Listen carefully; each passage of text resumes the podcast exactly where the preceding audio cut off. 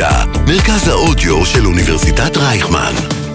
כל האוניברסיטה אודיוורסיטי. עולם האימפקט. אראל טננבאום מארחת יזמים שמפתחים ומשקיעים בעתיד טוב יותר. מי מאיתנו לא נתקל בסיטואציה הבאה? אנחנו צריכים להדפיס משהו לעבודה או ללימודים, אבל מה? אין דיו במדפסת, או שהיא לא עובדת, או שבכלל אין לנו מדפסת. מה אתם עושים? בשנים האחרונות דפוסי הצריכה של מוצרים משתנים דרמטית. צרכנים כבר לא מסתכלים על משהו ואומרים, אני רוצה את זה, אז אני קונה את זה, אלא אני צריכה משהו, אז אני משתמשת בו.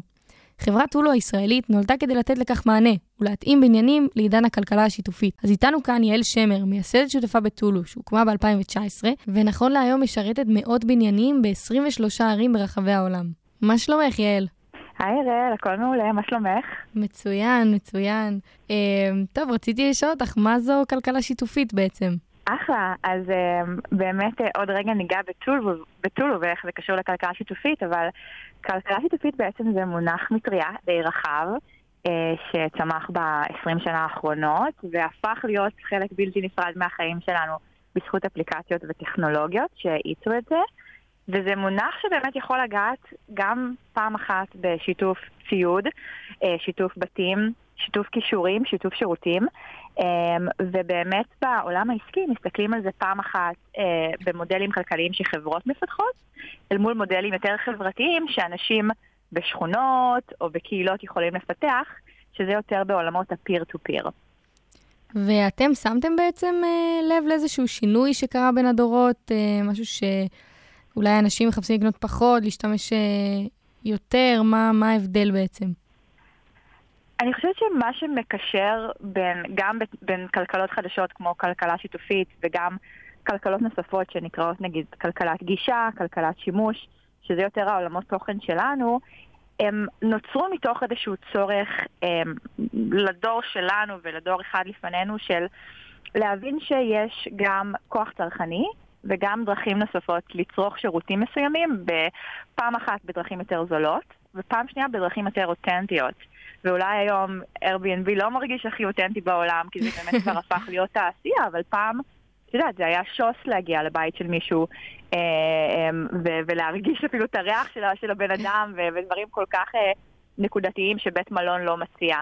ואני חושבת שלפחות טרנדים שאני רואה מאז הקמת החברה, זה שאנחנו דור שהוא הרבה יותר דינמי, ואנחנו דור שמעדיף חוויות על מוצרים ועל בעלות, ובאמת גם הסטטיסטיקות מראות את זה שאנשים עוברים דירה כמעט פעם בשנה. אנשים בגילנו עוברים גם ערים גדולות ברחבי העולם, עבודות, ויש איזו גישה שעדיף לקנות שירותים מאשר לקנות את כל המוצר עצמו, לשלם עבור גישה על שירות מאשר על בעלות. אז מה, מה בעצם אתם עושים בטולו?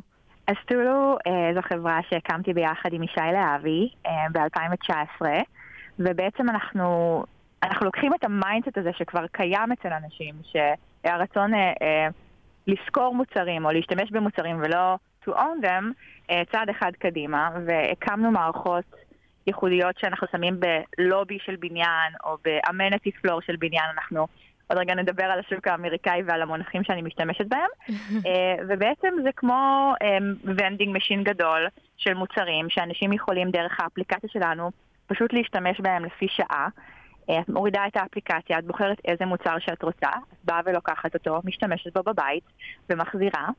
אנחנו פועלים היום ב-23 ערים ברחבי העולם עם מעל 50 אלף יוזרים, ויש לנו קולקציה רחבה של מוצרים החל ממוצרים של ניקיון ועד למוצרים של אירוח ו- ומשחקים ו-do it yourself. ובעצם כשפיתחנו את המוצר חשבנו על, ממש על אנשים כמוני וכמוך שגרות עכשיו בעיר או סטודנטיות והן עוברות לדירה חדשה ומה כל הדברים שאת צריכה ואולי לא רוצה לקנות או לא יכולה לקנות, הרבה פעמים את לא יודעת כמה זמן תהיי בדירה הזאת או, או באוניברסיטה וכן הלאה. אמ, ובעצם החזון הוא, הוא רחב. אנחנו באמת מאמינים שיש דרך חדשה לצרוך דברים, ולא צריך ללכת עכשיו אה, ולהוציא הרבה כסף אה, על מוצרים שישבו בארון ויאביקו אבק, יאגרו אבק. אז הרעיון הוא, הוא פשוט, והאופרציה היא, היא כבר גדולה ומורכבת. אתם גם באמת מביאים את זה למטר האחרון, ממש לאיפה שאנשים חיים. לא צריך לעשות יותר מדי בשביל לשכור איזה קסדת VR או מקרן הביתה. כן, באמת כשפיתחנו את טולו, אז גם זה הגיע מתוך איזושהי תשוקה מאוד עמוקה להבנה שבניין מגורים זה, אמ, יש בכל עיר בנייני מגורים, וזה איזושהי שיטת חיים שלא לא הייתה בה הרבה חדשנות בעשורים האחרונים, ושיש יש פה הרבה מאוד ערך לזה שאנשים גרים באותו מקום, והרבה מאוד דברים שאפשר להציע לאותם אנשים. אה, אנחנו קוראים לזה Centralizing the Demand, ואחד הדברים שמצאנו בחלק מהמחקרי שוק שעשינו כשהקמנו את החברה, זה שיש ממש ערך ל-convenience. זאת אומרת שאת לא עכשיו צריכה ללכת 20 אה, דקות לבית של חבר ולקחת ממנו מברגה, את יכולה לרדת למטה במדרגות, לקחת מוצר, לחזור הביתה, וגם שהמוצר שאת לוקחת, את הולכת להשתמש בו איפה שאת לוקחת אותו. כלומר, את לא הולכת לאיזה מתנס לקחת מוצר ואז מביאה אותו עד הבית. את יש פה ערך ב- בלהשתמש במוצר מאותו מקום שאת אוספת את המוצר, בעצם. ואיך אה, פונים אליכם? מי בוחר איזה מוצרים, נגיד, יהיו בטולו, בכל בניין?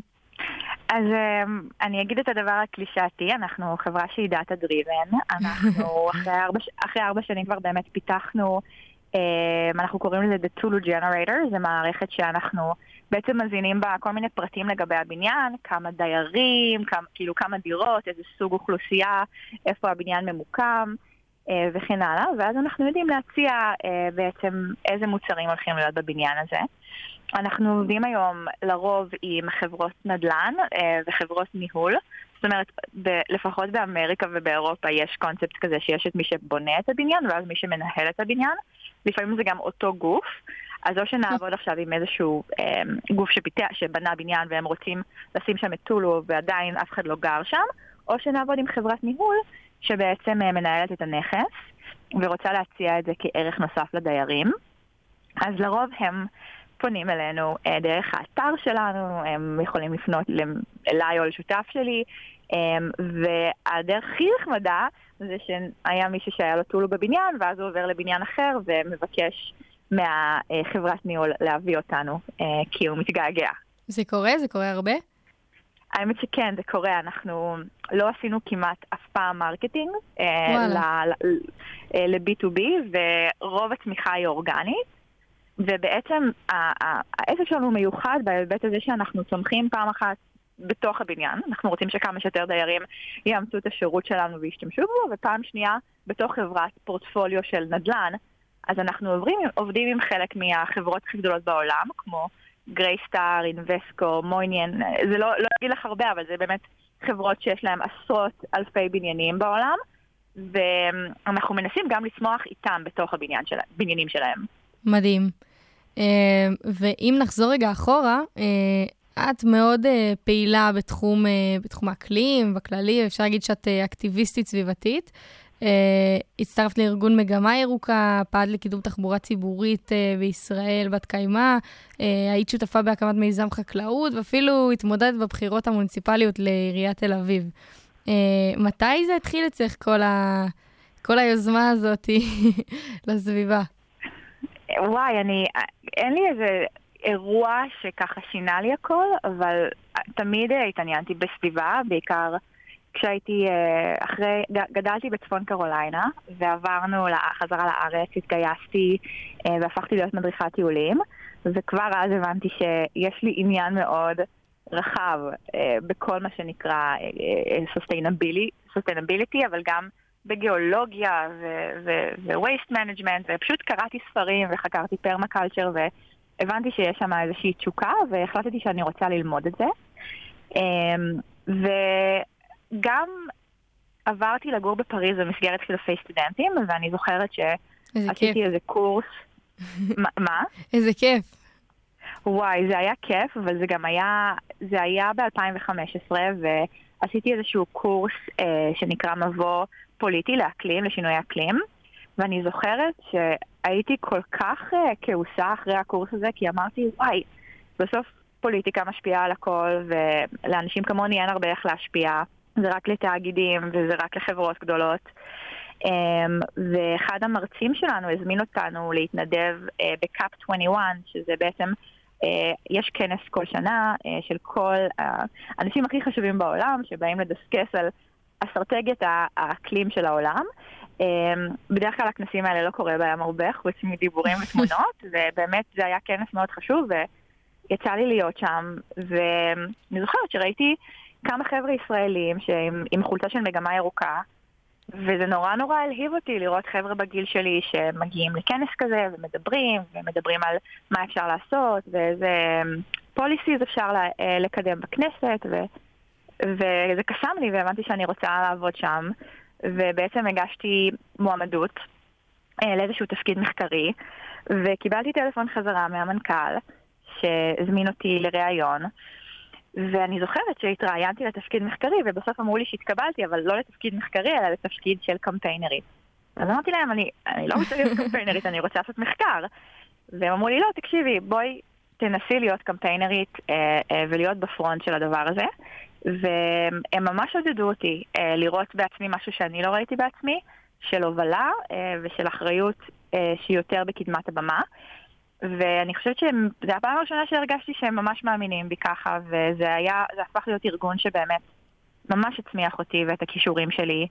ומשם כבר uh, המשכתי לתואר שני, וגם בתואר השני uh, עברתי לגור בדרום תל אביב, והיה לי נורא נורא חסר uh, שטחים פתוחים ושטחים ירוקים, והחלטתי להקים מיזם של חקלאות עירונית ביחד עם חבר uh, בצפון תל אביב, על גגות. אמ, כי אני חושבת שחלק גדול מקיימות שלא מדברים עליו זה בעצם מה עושים עם הקיים. אה, עם, עם בניינים קיימים, עם גגות ריקים, עם בגד... כאילו, לא, איך לא מפתחים דברים חדשים, איך, איך ממש אה, מפתחים את מה שכבר קיים. וגגות מבחינתי היה הסמל לזה. אה, והמיזם הזה ממש התפתח, ואז הבנתי שאני יזמת, והיה לי נורא נוח לקרוא לעצמי אקטיביסטית, אבל היום אני יותר... מזדהה עם המונח יזמות, אני חושבת שגם כל אקטיביסט בסוף הוא, הוא, הוא יזם. אמ, וכשנחשפתי לכל עולם הסביבה והבנתי שיש את עולם הסביבה באקדמיה ובאקטיביזם ובפוליסי, דווקא עולם היזמות הכי, הכי דיבר אליי כי זה... כי אני בן אדם שקם ועושה, ותמיד הייתי כזאת, ועכשיו מצאתי ממש פלטפורמה לעשות את זה בה, וזה, וזה כיף ענק. לגמרי. את היית גם בהמון תוכניות העשרה של יזמים, אה, לדוגמה אה, OGS, אה, האקסלרטור ב-MIT. איך הגעת לכל הדברים האלה? מאיפה שמעת על זה? אם אני רוצה, נגיד, גם ללכת לדבר כזה, איך? מאיפה? כן, אז, אז זאת שאלה טובה. אני לא, לא צמחתי בעולם הסביבתי ובעולם של כל מיני תוכניות העשרה, אני רק פגשתי אנשים שעשו את זה, וקודם כל, כל פעם שאתם פוגשים או שאת פוגשת מישהו או מישהי שעשו איזה תוכנית מגניבה, תבקשו מהם עוד מידע, או שימליצו עליכם, או שישלחו לכם דברים מגניבים שהם רואים. אה, ואז לאט לאט מצטרפים לקבוצות רלוונטיות, ומסתכלים בפייסבוק על כל מיני תוכניות מעניינות. אה, ואצלי דבר הוביל לדבר, אני באמת הבנתי שאני גם רוצה ללכת לאיזושהי תוכנית, ללמוד יותר על הנושאים האלה, והגשתי לכמה תוכניות, ובסוף התקבלתי. אמ, ובאמת התוכנית בבוסטון, אה, זו תוכנית, זו תוכנית אה, שבעצם היא קיץ אה, בבוסטון, שלושה חודשים. אמ, זה נקרא Our Generation Speaks, זה קורה כל שנה, וזה בעצם 30 חבר'ה ישראלים ופלסטינים שמגיעים לאקסלרטור בלי רעיון, הרעיון הוא בעצם לחשוב בזמן הזה על רעיונות משותפים. אמ, הכרתי שם את ישי, שותף שלי, לא הכרנו לפני. אמ, אני זוכרת שממש ביום השני לתוכנית אמ, היה לי איזה, שאלתי איזו שאלה באחד הפורומים שהיו שם על, אה, על, על גגות, ואז הוא שמע את זה ושלח לי פתק בזמן ההרצאה, בואי נדבר אחרי השיעור. והוא אמר לי שהוא רוצה שנעבוד ביחד, כי גם הוא חושב ככה על, על גגות ועל דברים, ובאמת בסוף החלטנו לעבוד ביחד, אבל רק לשאלתך על, על תוכניות, זה בסוף אני חושבת שמישהו או מישהי שרוצה לעשות את הצעדים הראשונים בעולם היזמות הסביבתית, אז ממש טוב ללכת לאקסלרטור, ממש טוב להקשיב לפודקאסטים, וממש טוב להיעזר באנשים מהתחום שיפנו אתכם באמת לכל מיני קורסים או דברים רלוונטיים. אמ, ובסוף הכי טוב זה לקום ולעשות. אם יש, אם מישהו רעיון, אז, אז אולי לשתף פעולה עם עיריות מקומיות, או אולי אה, לדבר עם יזמים שכבר עשו דברים דומים ולקבל מהם הכוונה. ואיך הייתה החוויה ב-MIT? אה, זו הייתה חוויה שאני לא אשכח אף פעם, עד היום אני סופר מעורבת אה, עם, ה, עם הדורות החדשים אה, של היזמים שמגיעים לשם כל קיץ. בסופו של דבר, לשבת שלושה חודשים ולחשוב על רעיון זו פריבילגיה ענקית. זה גם קשה, וגם השלב היותר קשה זה לקחת את הרעיון ולעשות ממנו משהו, ולא לוותר. גם כשהם נתקעים, ואנחנו נתקענו מאוד בהתחלה. Uh, הכוונה, את יודעת, שהיה לנו איזושהי פנטזיה למה נצליח לייצר בזמן קצר, ותמיד זה לוקח יותר זמן, ותמיד יש יותר בעיות בדרך ואתגרים שלא חושבים עליהם. אבל להתחיל ולעשות זה הדבר הכי חשוב. Um, אז החוויה הייתה מאוד מעצימה. היא הייתה מעצימה עבורי כי באמת אף פעם לא הייתי בתוכניות כאלה, וזו הייתה הפעם הראשונה שהייתי סביב אנשים ש... גם ראו את עצמם כיזמים וגם היה להם חלום להקים משהו. אז זה היה נורא נורא אה, מיוחד, וגם התוכן עצמו של קצת קורס בשיווק וקורס בכלכלה וקורס ב... אה, מה לא, אה, אה, עשה, עשה לי קצת סדר אה, לאיך מתחילים מאפס. הכל מהכל הביאו לכם שם. כן, הכל מהכל, בדיוק. אז בעצם אה, פגשת את ישי ו- וחשבתם על טולו, איך זה קרה? אז זה לא קרה אה, ביום אחד, באמת אה, הכרנו, החלטנו שאנחנו רוצים לעבוד ביחד.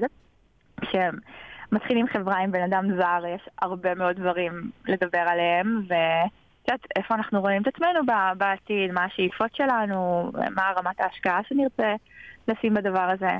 אה, ודי מהר, אני חושבת שהבנו ששנינו אנשים מאוד... אה, איך אני אגיד את זה, אמ, אנחנו לא רואים בראש, לא, זה לא רואים בעיניים, לא רואים בעיניים, ואנחנו אנשים שמאוד אמ, עושים את מה שאנחנו עושים עד הסוף, ובסוף כשהבנו שזה, שאנחנו דומים בה, לפחות בדבר הזה, ואנחנו מאוד שונים בדברים אחרים, שיש פה בסיס טוב לנסות לעבוד ביחד.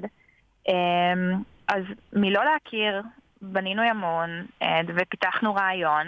הרעיון היה קצת יותר היה יותר סביב על איך מפתחים דברים בתוך בניין קיים, אה, וניסינו לחשוב על כל מיני דברים, פעם ברמת האנשים ואפליקציה לאנשים בבניין, פעם ברמת הניהול אה, חללים בבניין, ובסוף הגענו לטולו, שתמיד היה שם מתחת אה, לאף שלנו, וכשהתחלנו להגיד מי אנחנו ומה אנחנו במשפט אחד, הבנו שזה זה, ורצנו והתחלנו לעשות, וביזמות הרבה פעמים מדברים על המונח MVP, minimum viable product, מה, אה, אה, איך הרעיון שלך מוצא לפועל בדבר הכי קטן. אז בעצם הלכנו לחברים שגרים ביהודה מכבי בתל אביב, כבר חזרנו לארץ, אמרנו להם, תקשיבו, אנחנו יכולים ללכת לכם לממ"ד, לעשות איזה פיילוט, הם אמרו, דיברנו עם ועד הבית, הם אמרו כן, קנינו מוצרים ביד שתיים, הלכנו לקנות דייסון ביד שתיים, הבאנו קורקינט, הבאנו כל מיני מוצרים שחשבנו עליהם, רק כדי לראות אם בכלל יש ביקוש לדבר הזה. אמ, לא וזה הצליח? זה הצליח, וזה היה בבניין של 15 דירות. אז אמרנו, טוב, אנשים נרשמים, בנינו איזה עמוד בוויקס כזה, שמנו אה, מנעולים עם, עם אה, קוד קומבינציה כזה. ראינו, אוקיי, יש פה, יש פה traction, אנשים נרשמים, אנשים בסוף גם משלמים על הדבר הזה. ואז אמרנו, ואז גם הבנו יותר על מה זה הדבר הזה בעצם. הבנו שיש פה שוק ענק של ברחבי העולם בעצם, של, של בניינים בערים גדולות, של חבר'ה צעירים, millennials ו Gen Z, שגרים בדירות קטנות, אה, ויש להם mindset ש, שדיברנו עליו ממש לפני כמה רגעים, אז מבניין של 15 דירות עברנו לבניין של 120 דירות, ופתאום אמרנו, טוב, אבל זה לא רק שואב אבק ומברגה וכיסא, זה גם מגהץ, וזה גם משחקי קופסה, ויש כאילו המון דברים שאפשר להציע, ובואו נראה מה ההתנהגות בהם. ואני זוכרת שאף פעם לא התעסקתי ב marketing לפני, לפני כן, ורצינו לשלוח אימייל לכל הדיירים שאספנו את האימיילים שלהם, וממש שלחנו אימייל אחד-אחד.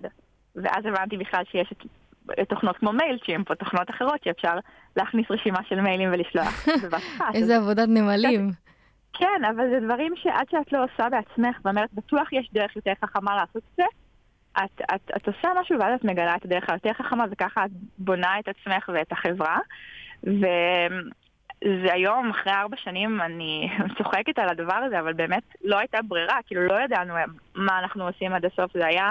כל פעם גילינו משהו חדש על העסק ועל השוק, אה, עד שבאמת הבנו שזה זה, והבנו מספיק שזה יכול לעבוד, ועכשיו צריך להביא כסף בשביל באמת להצמיח את זה ולהגיע למה שנקרא product market fit, שיש מספיק אנשים שישלמו על זה, אה, בדרך כלל מחליטים עם המשקיעים על איזשהו benchmark, אה, ואז זה כבר היה השלב הבא, שבו כבר עברנו לניו יורק עם החברה, אה, בזכות קרן אמריקאית שהחליטה להשקיע בנו ממש מוקדם, והם אמרו לנו, חבר'ה, תל אביב קצת קטנה מדי בשביל זה, בואו לניו יורק, אם זה לא יעבוד פה זה לא יעבוד, אז עדיף שתנסו את זה פה.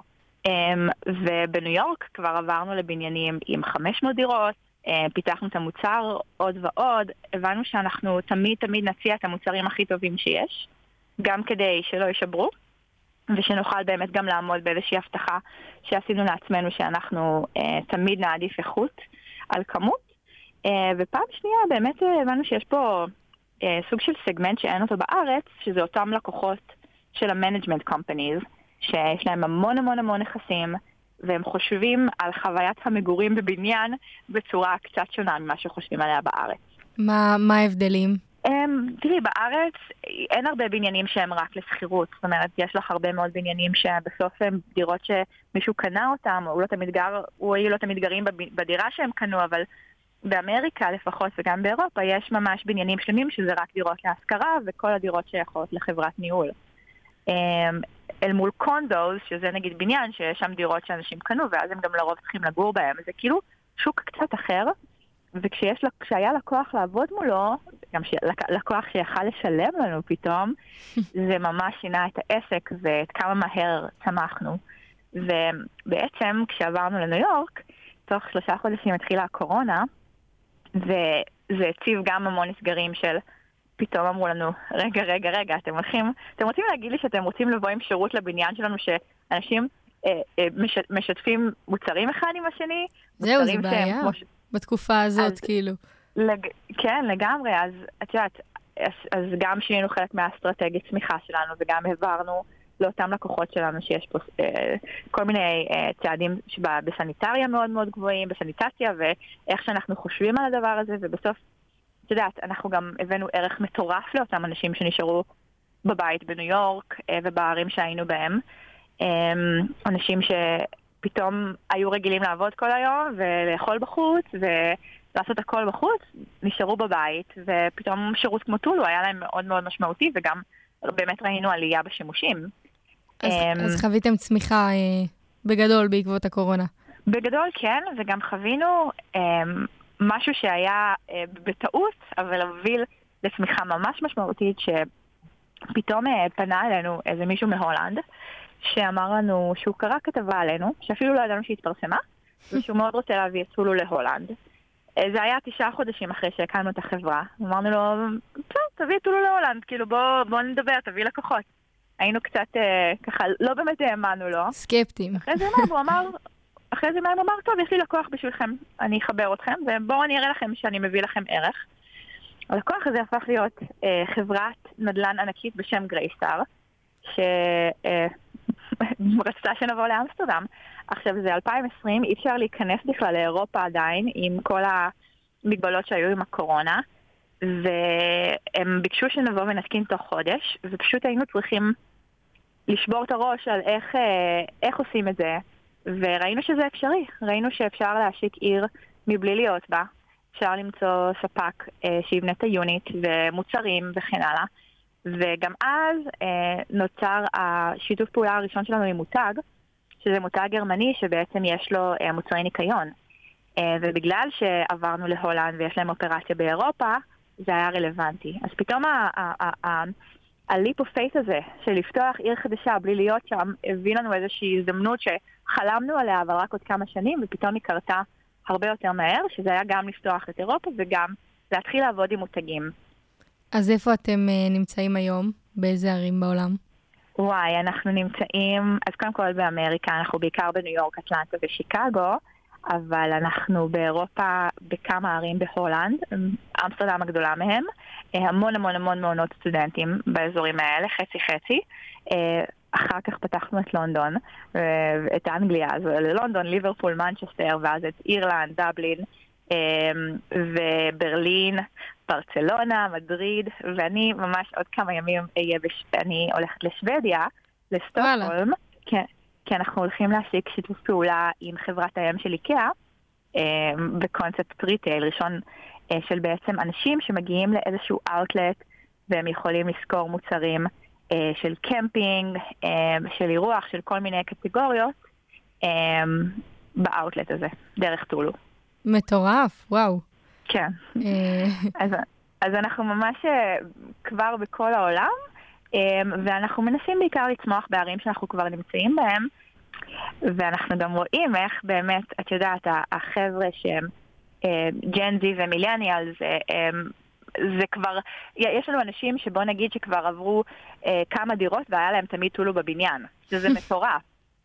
לחלוטין, כאילו זה פוגש אותם בכל מקום. כן. אה, יש איזה שהם הבדלים בין uh, הצרכן uh, ההולנדי הממוצע לבין uh, הניו יורקר הממוצע במוצרים שיש נגיד ביחידה? יש קצת modifications, אה, אבל בגדול אה, בסוף, את יודעת, אנחנו רואים שאותן אה, מגבלות קיימות עבור אנשים בערים גדולות, שהם באמת רוצים משהו שהוא קל ומהיר ו user friendly ואלגנטי, מותגים שהם מכירים. אולי קצת ברמת משחקי הקופסה, אה, אבל שאר המוצרים הם, הם בסט סלר, זה כמעט בכל עיר. אה, האמת שאנחנו תמיד צוחקים, כי בקופנהגן יש לנו בניין, שזה אחד הבניינים הכי מצליחים שלנו, ויש שם בלנדר, וכאילו כל מיני מוצרים שלא כל כך תפסו בניו יורק. אה, אנחנו תמיד צוחקים שהאירופאים ייקחו, הסקנדינבים ייקחו כל דבר שניתן להם, כי הם באמת כבר כל כך שם ברמת ה mindset של אה, מה עוד אפשר לשכור. רציתי לשאול אותך גם האמת, אם יש לכם בעיה עם התחלופה של המוצרים.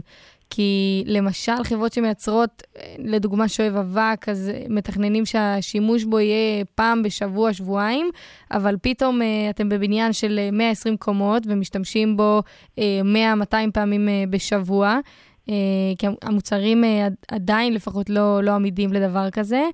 אמ, איך, איך זה פוגש אתכם?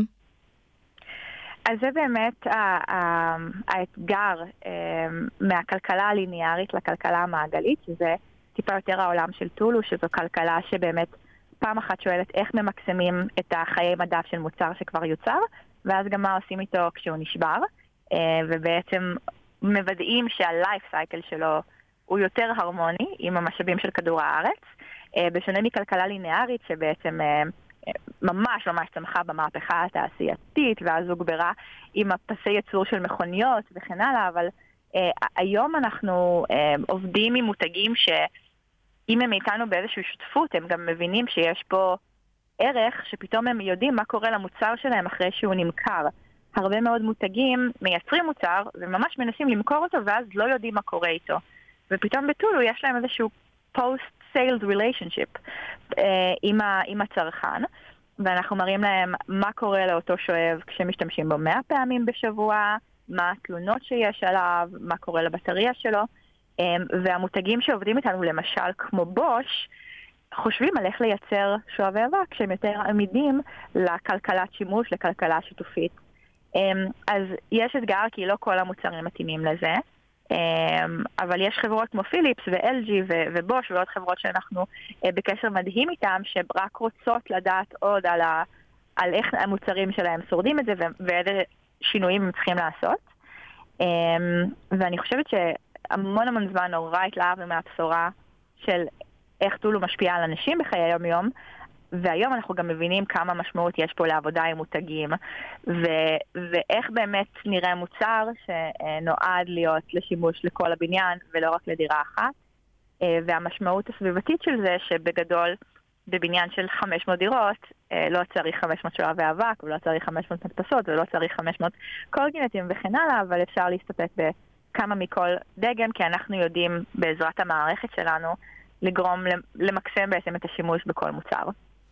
זה מאוד, אה, מאוד חדשני לעשות דבר כזה. כאילו, כל אחד ישר חושב אה, על הבית שלו, מה הוא צריך, ופתאום כששמים לך את זה אה, מתחת לבית, שאת רק יכולה אה, בלחיצת כפתור ככה להזכיר אה, אפילו דברים שבחיים לא היית קונה, אה, וש, ושפתאום את אה, צריכה, זה, זה יכול להיות פתרון מדהים.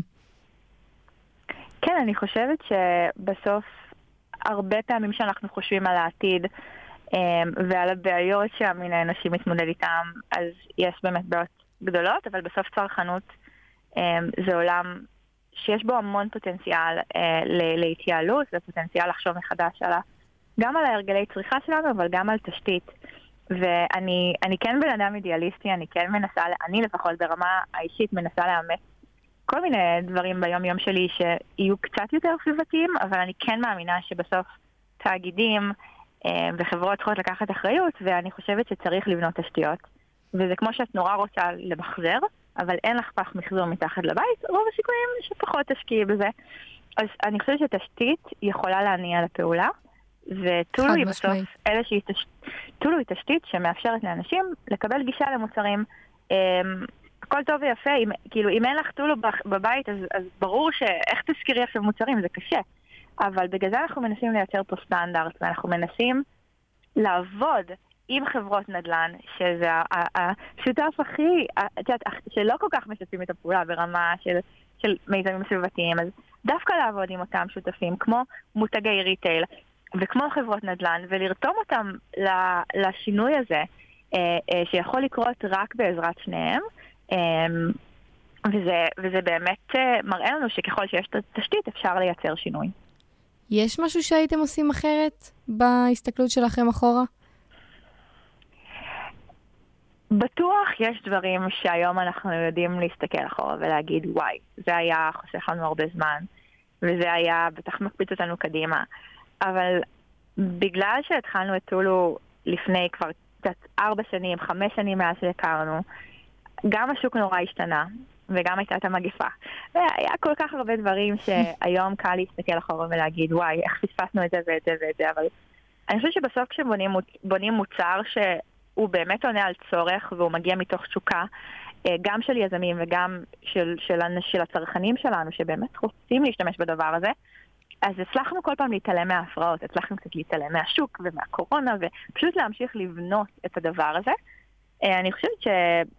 בסופו של דבר, אני רק תמיד הייתי אומרת לעצמי, להעז, להעז, להעז, לעשות, לנסות, לא לקבל לא, להמשיך קדימה. אמ, גם בסוף האנשים שאמרו לנו לא, וראו כמה המשכנו אה, אמ, לנסות ולצמוח, ואחר כך חזרו והשקיעו בנו, אלה דברים שהייתי אומרת לעצמי, אל תתעכבי על זה. אמ, ובאמת אה, דיברת קצת אה, על משקיעים, כמה גייסתם עד עכשיו? אז סך הכל גייסנו 30 מיליון דולר אה, בכמה סבבים. אה, זה אפשר לנו באמת לצמוח בכל העולם. אנחנו חברה של 40 אנשים היום, אה, ואנחנו רק ממשיכים לצמוח עכשיו גם לעוד, אה, כאילו לעוד ערוצים שהם לא רק residential ו student housing, אנחנו עושים גם מלונות, ואנחנו עושים וואלה. עכשיו את, ה, את, ה, את הקניון הראשון שלנו, אבל...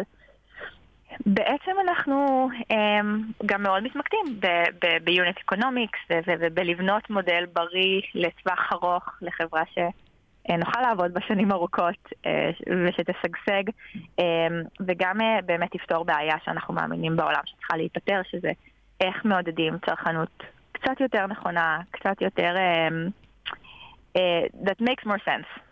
זה העתיד, לגמרי. כן. איזה קשיים אה, התמודדתם איתם בזמן האחרון? איזשהו משהו שהיה עבורכם אה, אתגר? יש הרבה אתגרים. אני חושבת שבתור יזמת, אני יכולה כמובן רק לדבר על עצמי. אה, יש את, ה, את האתגר הראשוני מאוד, אה, שהסטארט-אפ שלך תלוי בכמה את מסורה לדבר הזה ובכמה את משקיעה בו וכל הזמן לרתום אנשים ל vision ואיך חושבים ברמת ה vision, אבל גם הופכים להיות מאוד בראש של execution אדמיניסטרטיבי. את יודעת, יש משימות מבאסות שצריך לעשות כל יום, זה עם חיוך. אמ, אז זה היה קושי יותר בהתחלה של כל פעם לאזן בין ה-grand vision ל-10 year plan לבין, אוקיי, אני צריכה לקום בבוקר וללכת לפתוח את זה, לעשות את זה ואת זה ואת זה. יש קשיים, אני חושבת, כמובן, לכל, להרבה מאוד סטארט-אפים היום. השוק שצמחנו בו הוא לא השוק שאנחנו נמצאים בו היום, אבל אני בסוף חושבת שכשמשקיעים במודל הכלכלי ומבינים את השוק, אז חברות טובות אה, יצליחו, ו... ו... מה זה חברות טובות? אנשים שבונים מודל שהם יכולים אה, להצמיח. אמ, כן, יש קושי שדברים משתנים סביבך כל הזמן, אבל גם יש הרבה כלים להתמודד איתם, ויש לנו משקיעים מדהימים. אה, צוות מדהים, אה, ויש לי שותף מדהים, אה, שאנחנו פשוט ביחד בזה, אז כל קושי נכנס לפרופורציה. עוד יום, עוד יום במשרד ומתקדמים קדימה. גם עכשיו יש את המשבר בענף ההייטק, למשל בכללי, ועובדים גם מפוטרים מכל מיני מקומות. אתם מרגישים את זה? יש לכם איזושהי בעיה בגיוס עובדים אולי?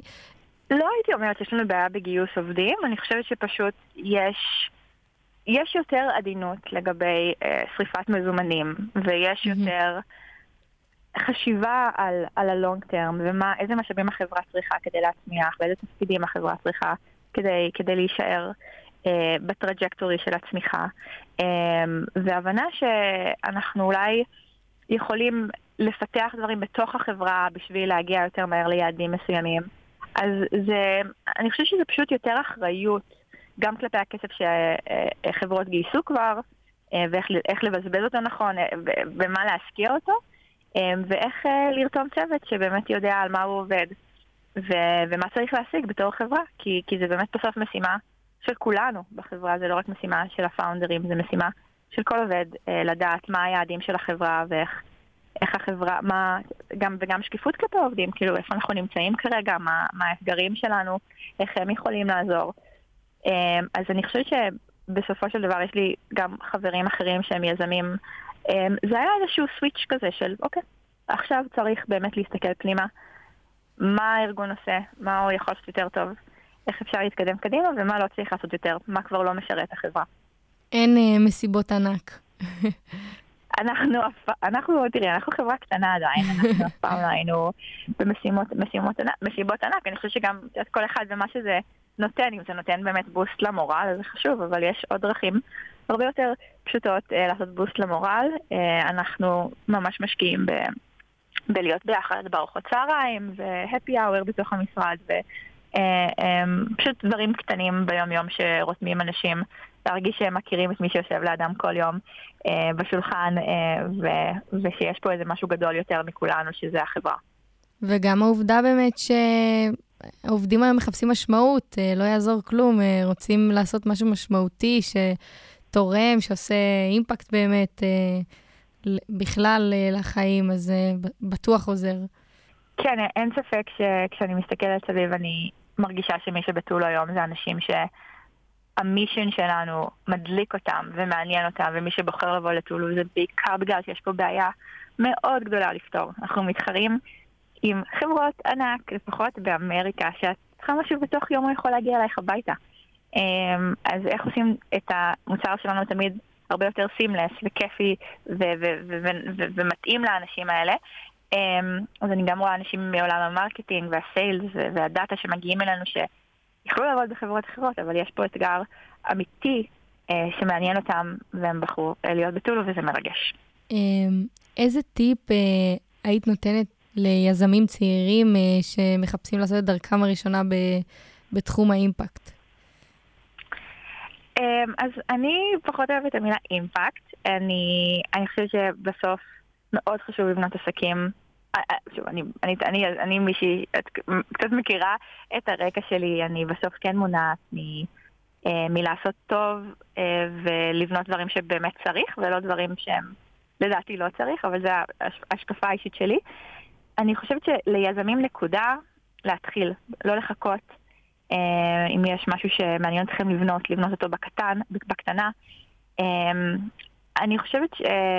יש המון כלים, וכאילו להתבונן באיזה תירוצים את מביאה לעצמך כדי לא לעשות, ואז להבין איך את, את כן עושה, וכן מנסה, ובאמת מגישה בתוכנית מיוחדת או חדשה, או, או שם את עצמך out there כדי uh, להתחיל משהו, uh, ושיזמות זה, זה state of mind, זה לא רק אומר שהקמת חברה, uh, זה, זה באמת state of mind ואפשר לעשות אותו דרך יוזמות קטנות וגדולות. אמ, אני חושבת שאקסלרטורים זה כלי מדהים, זה דרך גם להיות אה, באיזושהי מסגרת שמחייבת אותך אה, to show up ולהתחייב על יעדים. לנו זה מאוד מאוד עזר, גם אחרי שחזרנו מבוסטון לארץ, הצטרפנו לאקסלרטור של עיריית תל אביב, שהיה סופר משמעותי, קיבלנו mentoring. אמ, וגם של גוגל, לא? כן, ואז אני הייתי באקסלרטור של גוגל, והם עד היום תומכים בי. אמ, אז בסוף יש ארגונים שרוצים לתת חזרה ולתמוך ביזמים, עוד יש כלים, וגם באמת לחשוב על הרעיון עצמו, זאת אומרת, האם זה משהו שבאמת יעיב אתכם מהמיטה כל בוקר לקום ולעשות, אה, ומשהו שהוא אותנטי לכם, אה, כל אחד הוא יכול להביא משהו מיוחד לעולם, אז אני גם חושב, הייתי ממליצה לבנות משהו שאתם האנשים הנכונים לבנות אותו, אה, או אפילו להצטרף לאנשים שמעוררים השראה בכם, ולעבוד איתם וקצת לראות, כל אחד יכול לבנות את הדרך שמתאימה לו. לי התאים לא לדעת הרבה ולנסות לעשות, ותמיד אמרתי לעצמי, במקרה הכי גרוע אני אחזור, אה, את יודעת, שזה כמובן לא הכי גרוע, אבל אני אחזור לגור בבית של ההורים, ואני אמלצר והכל בסדר, כאילו, אני יכולה, גם אם אני אשרוף עכשיו, בצד, ב, לא באמת אשרוף, אבל גם אם אני עכשיו אהיה כמה שנים באיזושהי חברה והיא לא תעבוד. אז זה גם mindset סביב הדבר הזה, שיש הזדמנות לבנות דברים, זה יותר קל than ever לבנות חברות. זה קשה לבנות חברות טובות, אין ספק. נכון. אבל אה, תמיד אפשר להתחיל, אמ, ואף פעם זה לא מאוחר מדי להתחיל. אז גם לא לספר לעצמכם שזה מאוחר מדי. זה, ועוד דבר קטן שממש עזר לי, um, עברתי מהאוניברסיטה לאקטיביזם, ליזמות, um, לא לפחד uh, להשיק גרסות חדשות של עצמנו, um, לא לפחד מה יגידו אחרים. אה, אני אוהבת להסתכל על עצמי כעל גרסת בטא תמידית, כל פעם אני מחדשת, משפרת, בודקת איזה גליצ'ים יש, שמה את הטלפון בטעינה, חוזרת יום למחרת. אמ, אז באמת לא, לא לחשוב יותר מדי מה אנשים יגידו. אם תשנו את דעתכם מחר, תשנו את דעתכם מחר, תחיו את החיים שלכם, לא החיים של אף אחד אחר. אמ, ותתייחסו לחיים שלכם כאל אומנות שאתם פשוט מנסים כמה שיותר דברים אה, ובודקים מה טוב לכם ומה אתם אוהבים. איימן. איימן. אה, לפחות זה מה שעבד לי. לגמרי, לא, זה השתלם, ללא ספק. אמ, אתם מחפשים עובדים עכשיו? אה, אנחנו כרגע לא, אבל אפשר להתעדכן בלינקדאין ובאתר שלנו תמיד, אפשר לכתוב לי בפרטי, אפשר גם כמובן להתחבר, אה, מי שרוצה לשמוע עוד על תוכניות יזמות, אני תמיד שמחה לעזור, אני חושבת ש- it's up to our generation לעשות שינוי. Um, לפחות להביא את העולם למקום קצת יותר טוב ואת הכלכלה. Um, אני לא מומחית כלכלית בשום צורה, אבל אני חושבת שיש דברים שאפשר לפתח, שיהיו טיפה יותר הגיוניים um, ברמות שונות, um, לדרך שבה אנחנו צורכים דברים בעולם. Uh, וזה כבר יכול להיות לפודקאסט אחר. אז אני באמת אוסיף את הלינק שלך uh, ללינקדין למטה, כך שמי שירצה אה, יוכל אה, לפנות אלייך. אה, וככה, לסיכום, תמיד משתדלת לשאול, איפה את רואה את עצמך וגם את טולו בעוד חמש שנים?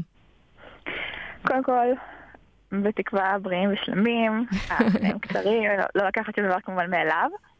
הייתי מאוד רוצה שנהפוך להיות סטנדרט עולמי, ובאמת שנצליח להשפיע על מותגים, לייצר מוצרים טובים יותר, אה, אבל באמת פשוט בכל העולם, אה, וכשבונים בניין חדש, חושבים על איפה יהיה טולו בבניין הזה. אה, וגם בין אם זה איתנו או לא איתנו, אבל כקונספט של שיתוף מוצרים, מקווה שזה יהיה דבר שיהיה בכל העולם. אני חושבת שכל עירייה צריכה קונספט של טולו, או שהיא תעשה את זה בעצמה או שהיא תעבוד איתנו, אבל זה פשוט make sense. אמ, אני גם חושבת שכל עירייה צריכה חנות בגדים יד שנייה, אה, שהאנשים בעיר אמ, מפתחים ועובדים בו.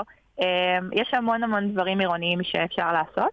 אז כן, אני מקווה שטולו אה, תהפוך להיות סטנדרט, אה, ושבאמת נגשים את החזון שלנו, שזה להפוך מוצרים ביתיים לשיתופיים, והטאגליין שלנו זה own less, live more. כי אנחנו גם מבינים שבסוף יש השפעה מאוד חיובית על לא להתעסק כל הזמן במה קונים, מה חדש, מה צריך. יש את הדברים שלך, להשתמש בהם, אה, ולפעמים זה מספיק, אה, וזה מאוד מאוד עוזר מנטלית. less, uh, live more לגמרי. uh, טוב, תודה רבה רבה, יעל, שהקדשת את זמנך לדבר איתנו כאן היום. Uh, והמון uh, בהצלחה עם החזון הזה. אני ממש מקווה שזה יתממש. תודה רבה, אראל, תודה שאירחתם אותי, uh, ואשמח לעזור למי שרוצה. ותודה רבה גם לכם, המאזינים, שהאזנתם עד כאן. אני מזכירה שאפשר למצוא אותנו בכל אפליקציות הפודקאסטים, אפל פודקאסט, ספוטיפיי, מה שבא לכם, גם באתר האוניברסיטה. אם אהבתם, מוזמנים לשתף, לדרג, ומוזמנים לכתוב לי פניות של מה שהייתם רוצים לשמוע יותר, אנשים שהייתם רוצים שאני אדבר איתם. וזהו, תודה רבה רבה, שיהיה יום נעים. עולם האימפקט. אראל טננבאום מארחת יזמים שמפתחים ומשקיעים בעתיד טוב יותר.